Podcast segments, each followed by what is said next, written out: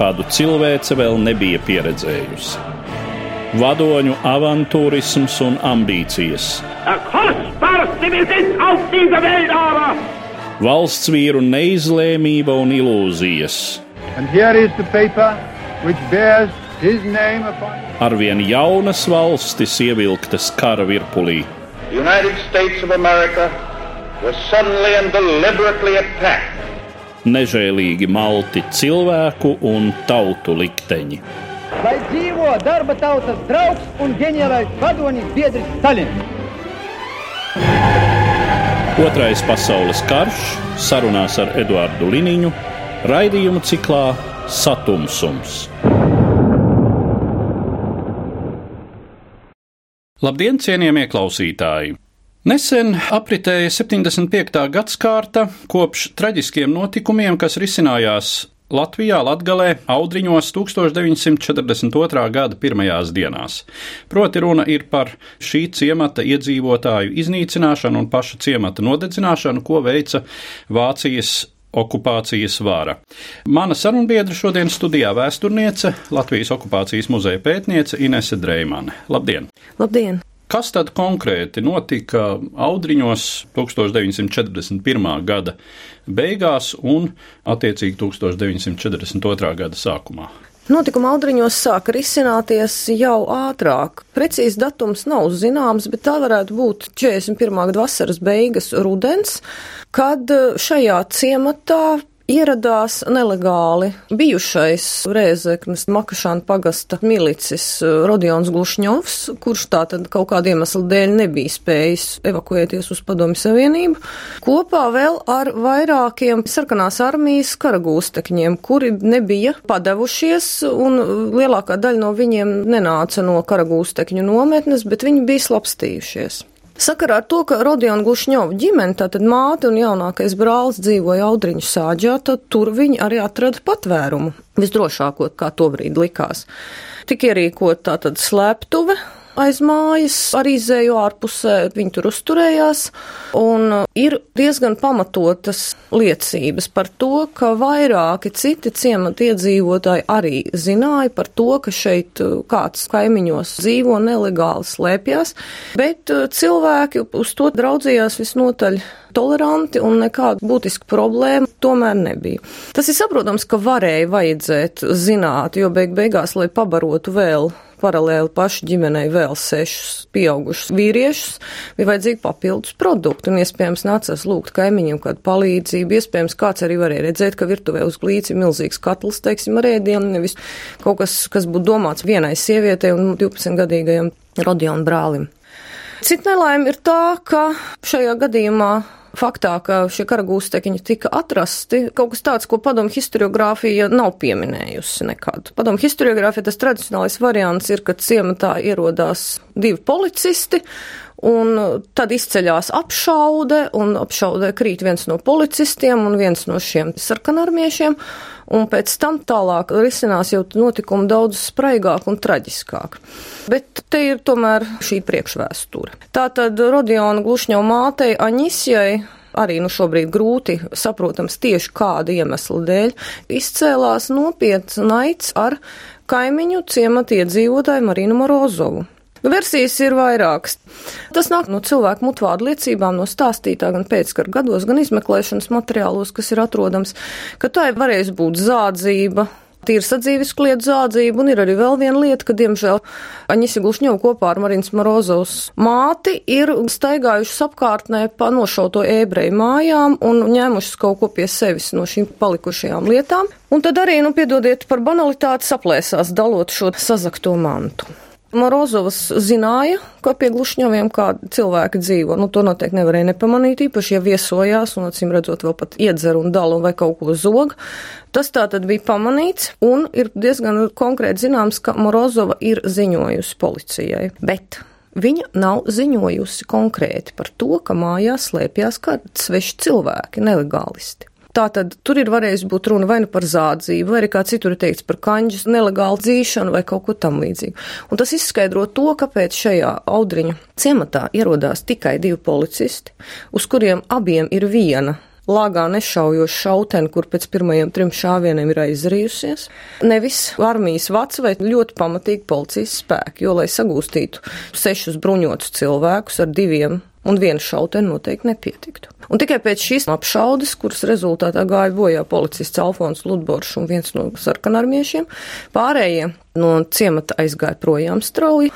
Pēc tam bija skaidrs, ka tur ir kaut kas nopietns, un tad uz audriņiem tika aizsūtīts gandrīz nu viss reizeknas apriņķa policijas sastāvs, kas tobrīd bija sadabūjams un sameklējams. Un tad sākās apkārtnes pārmeklēšana, tad sākās vietēju iedzīvotāju māju pārmeklēšana, pratināšanas, un uh, bija apšaude netālu mežā, kuras rezultātā šie sarkanās armijas karavīri un glušņaus viņiem izdevās aiziet no šīs apšaudes, un tajā krita vēl trīs apriņķi policisti.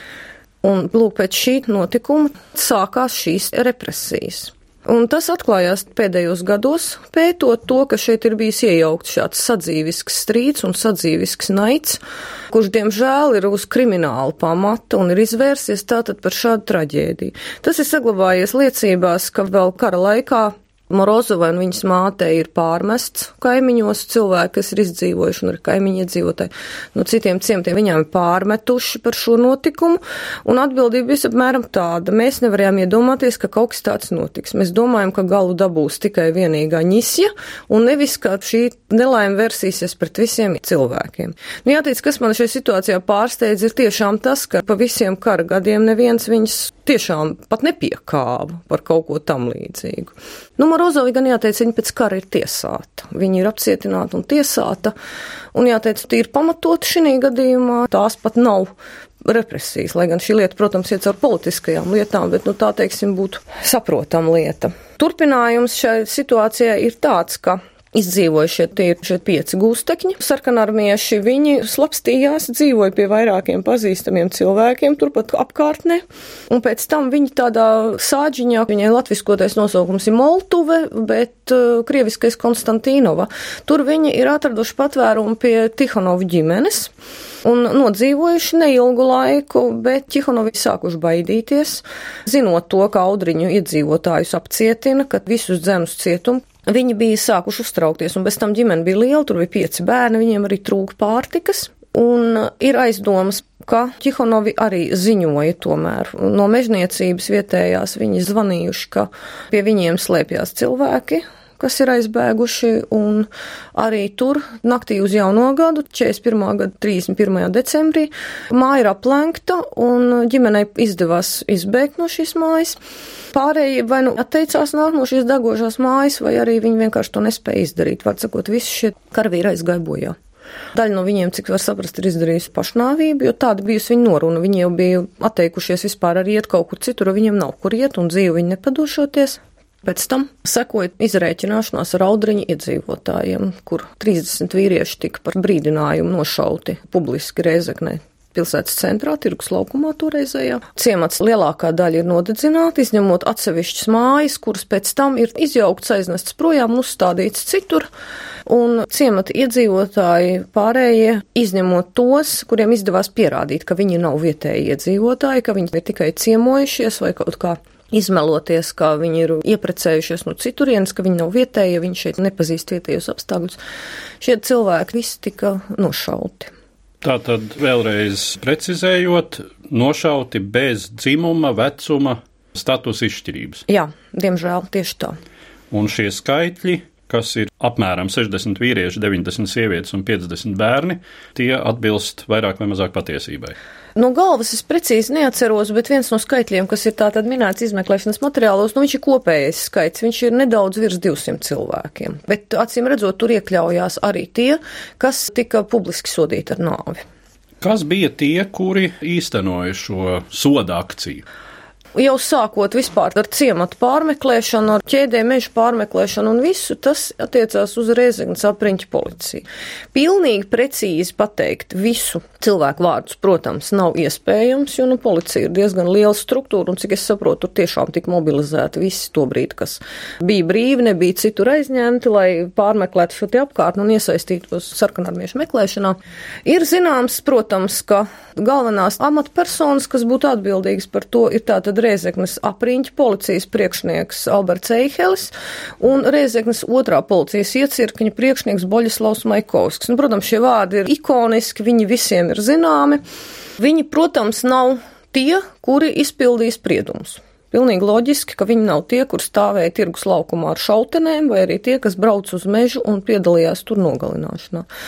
Attiecībā uz šīm pavēlēm un lēmumiem. Tur nevarēja arī nekādā gadījumā iztikt bez augstākās vācu vadības, tātad bez okupācijas augstākās vadības kaut kāda akcepta, jo pilnīgi galīgi uz savu galvu mēģināt notvert izbēgušos nopratināt, tā teikt, lietā iesaistītos, bet, protams, ne jau pieņemt lēmumu, pilnīgi nesaskaņojot par veselu ciematu fizisku iznīcināšanu un burtisku nolīdzināšanu līdz ar zemi.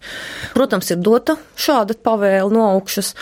Un no vācu okupācijas iestādēm tieši, ka ciemats ir jānolīdzina līdz ar zemi, un 30 vīrieši ir publiski jānošauj par brīdinājumu. Te alaši paliek jautājums par to, ka it kā šajā pavēlē nav minēta pārējo ciematu iedzīvotāju nošaušana. Tas nav nosaukts vārdos. Un uh, bieži vien tādas versijas un pieņēmumi, ka tas tad nu ir bijis tikai un vienīgi vietējo, tā teikt, Eiheļa, Maikovska un varbūt vēl sevišķi iesaistīto policijas vadības pilnīgi tāda privāta iniciatīva, ka, nu, tad uh, ciematu mēs nodedzināsim, to mums atļauj, nu, ko tad tos pārējos, nu, tad vienkārši nošausim. Man liekas, ka arī tas tomēr nevarēja būt tik vienkārši jo viņiem tādas lietas tomēr bija jāsaskaņo. Iespējams, ka starp citu tas vispār iekļaujās šajā efēmiskajā formulējumā sāģi nolīdzināt līdz ar zemi. Iespējams, ka ar to vienlaikus ir jāsaprot arī atļauja iznīcināt vietējos iedzīvotājus, jo, ja nodedzina ciemanu, kur tad viņus īsti likt pēc tam, ja šie cilvēki skaitās iesaistīti. Šo 30 nošaušanu publiskā, tā ir savu veidu atmaksa viens pret desmit par šiem cīņās kritušajiem policistiem teroristiem, tātad šī iebiedēšanas akcija. Es gribētu teikt, ka arī šajā gadījumā tomēr nevajadzētu mazināt nacistu okupācijas varas pārstāvi vainu notikušajā un mēģināt uzdot, ka paši savējie vienkārši policijas iecirknis vai apriņķi policija būtu varējusi pilnībā rīkoties uz savu galvu. Jā, nu versijas droši vien var būt visdažādākās. Mēs zinām to vispārējo fonu, kuru, protams, noteica Vācijas okupācijas varas politika. No vienas puses vardarbības eskalācija, kas bija nu pat bijusi Latvijā, proti holokausta akcijas, kad eh, vietējā iniciatīva katrā ziņā netika ierobežota. Un eh, slepkavošana notika ne tikai tiešā vācu iestāžu uzraudzībā. Tas, protams, ir absolūti pieņēmuma līmenī, bet Mēs runājam par sāģu, kur apdzīvo pamatā vecticībnieki, nelatvieši, un mēs runājam par vietējo policiju, kuras sastāvā tomēr pamatā ir latvieši, es tā pieņemu. Varbūt, ka šai niansē tomēr ir nozīme.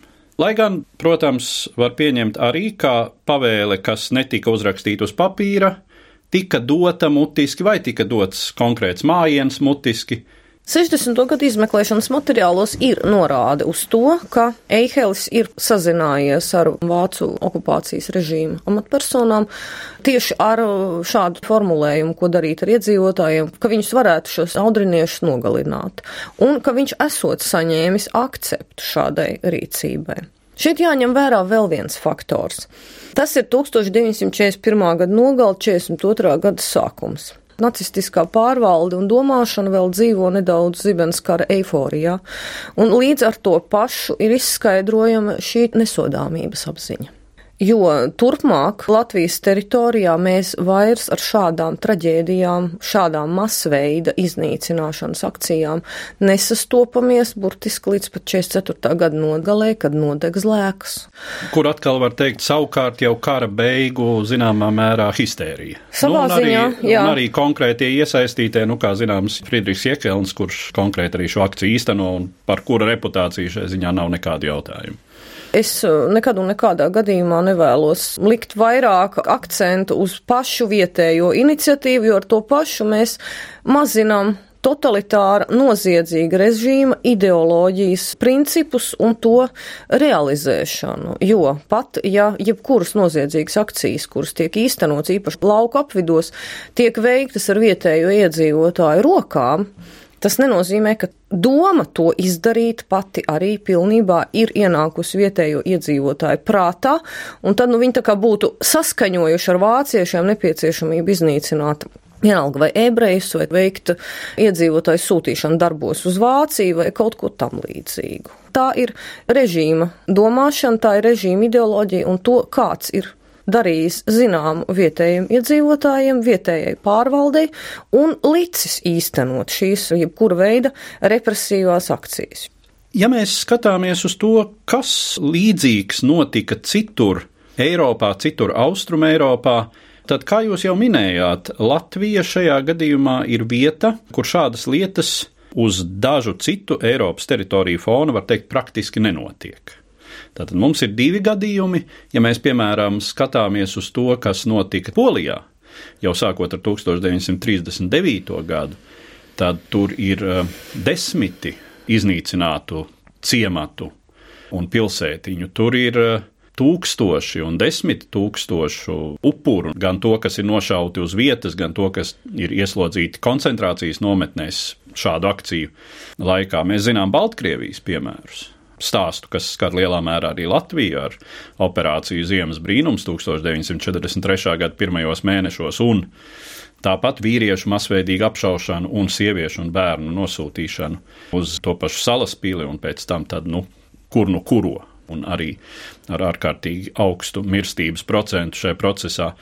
Ļoti labi zināmo un pašu nacistu reklamēto Lidicas iznīcināšanu Čehijā, atriebjoties par vācu vietvalža Heidricha noslepkavošanu. Tātad eh, Latvija šai ziņā ir tāda salīdzinoši šīs iznīcinošās darbības neskarta zona. Ja mēs runājam par iemesliem, tad ko mēs varam minēt. Jūs pieminējāt Čehiju un Lidici. Tas ir apmēram tas pats, kas notiek Audriņos. Tur arī tā ir vienreizēja akcija, kas ir saistīta ar vienreizēju gadījumu, ar atriebību, tātad par Reinhardt Heidricha bojāju, un tur arī nekas tam līdzīgs vairs nenotiek.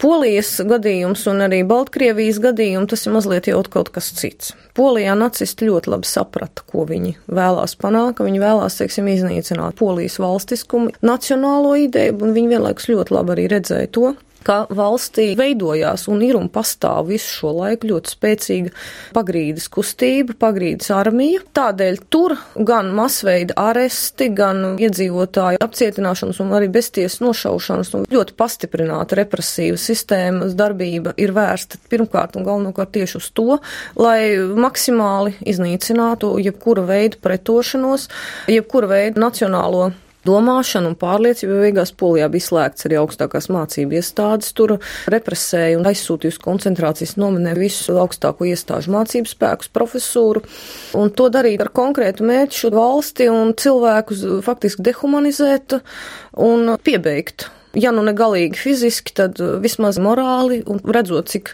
grūti tas devās. Tā tad arī šie represīvie situācija bija ļoti nežēlīga.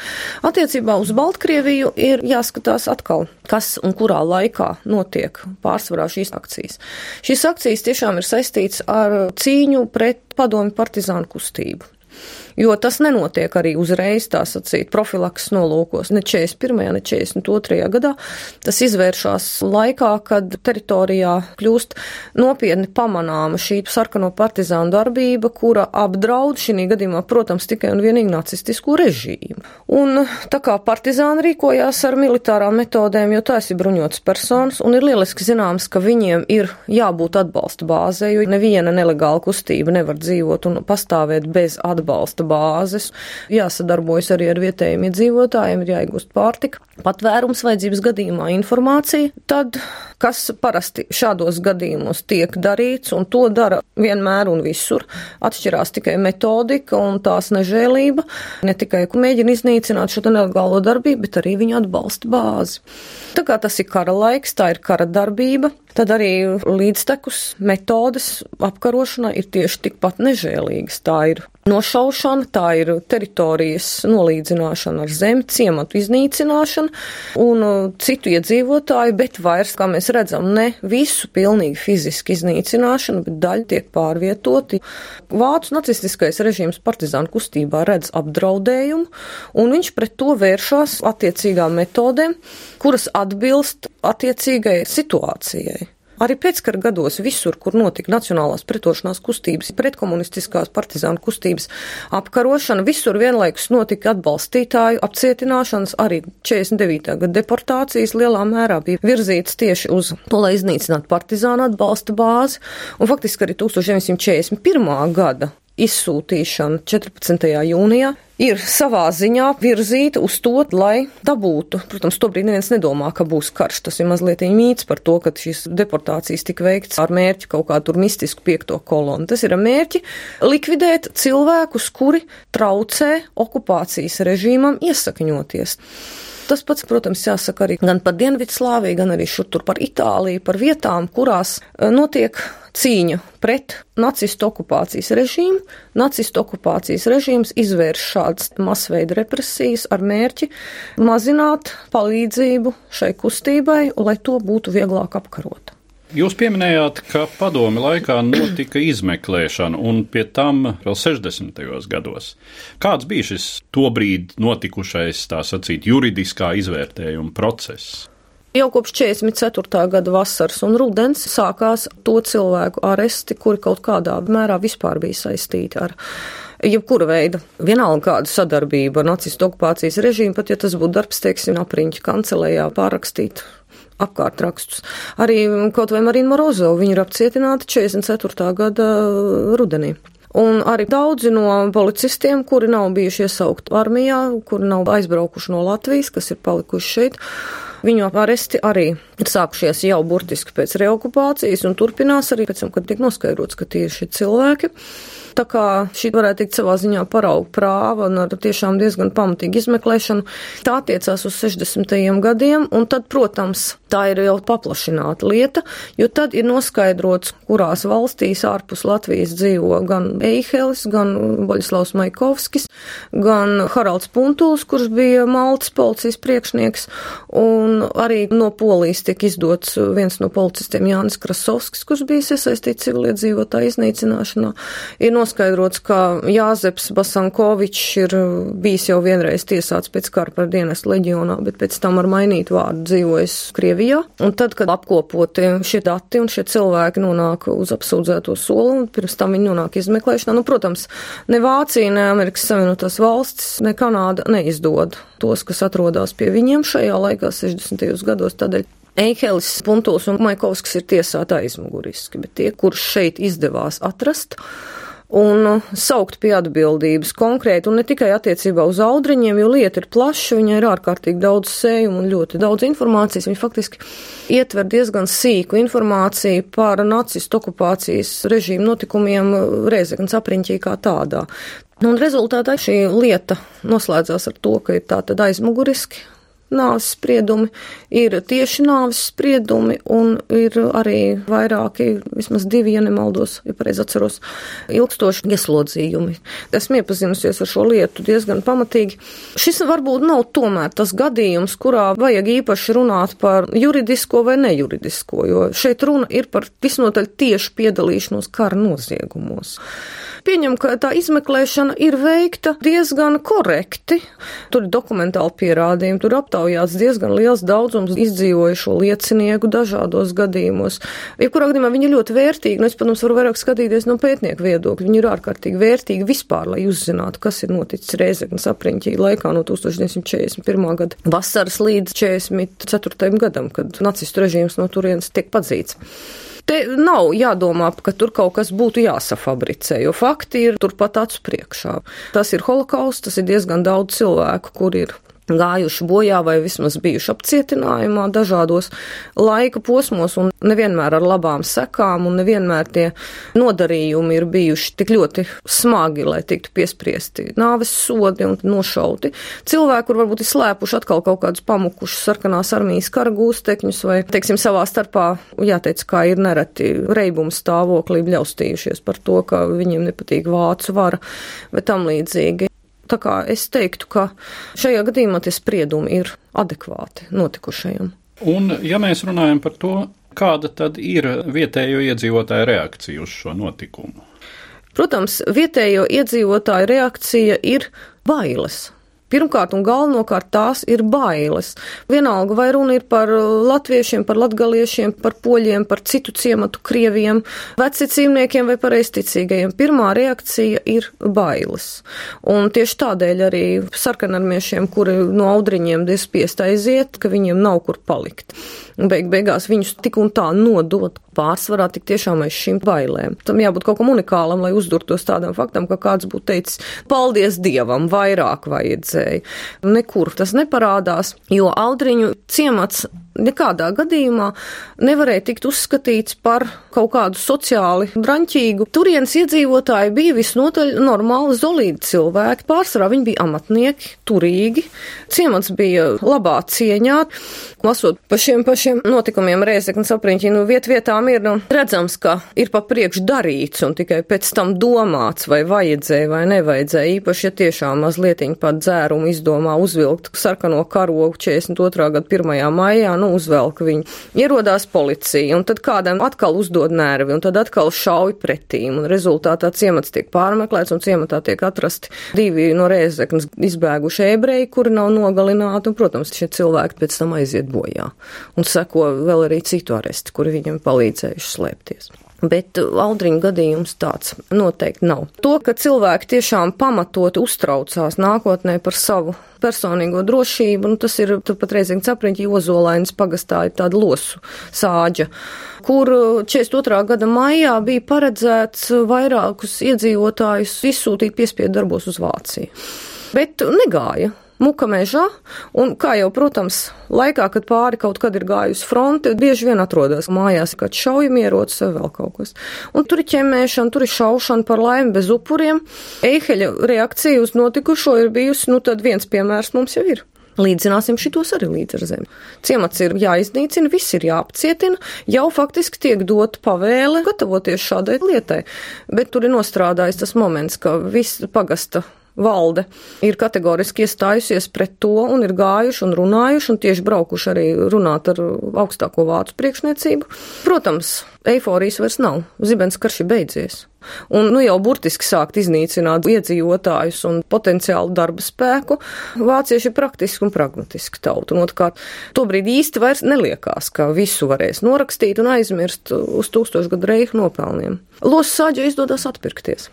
Tik panākt vienošanās, ka kam ir jābrauc uz šo Vāciju, tie tomēr brauks uz šo Vāciju, tie, kas ir iesaistīti šajā pretošanās, viņi tiek atrasti un apcietināti, un pēc tam tālāk, kā nu kuram šiem cilvēkiem ir liktenis, bet pārējie ciematnieki izglābjās, bet nu viņi, protams, atpērkas. Un tā ir spontāna akcija, kad cilvēki vāc pārtiks produktus, viņi vāc vērtīgas lietas, un viņi vedīs un tagad dos un maksās par to, lai viņus atstāja dzīvus. Un līdzīgs gadījums bija 44. gadā Krāslavas apriņķī kur arī bija atrasti bēguļojoši vai nu sarkanie partizāni, vai kas tur materiālus visur ir. Padomju aktīvists, sarkanais partizāns, vienalga, pat ja tas cilvēks būtu slēpies no iesaukuma Vācu armijā. Tur arī bija šāds pats gadījums, ka atrod Šaušanas gan nav, trokšņa nav, bet nu vienalga kaut kādām represijām ir jābūt, kaut kam ir jānotiek.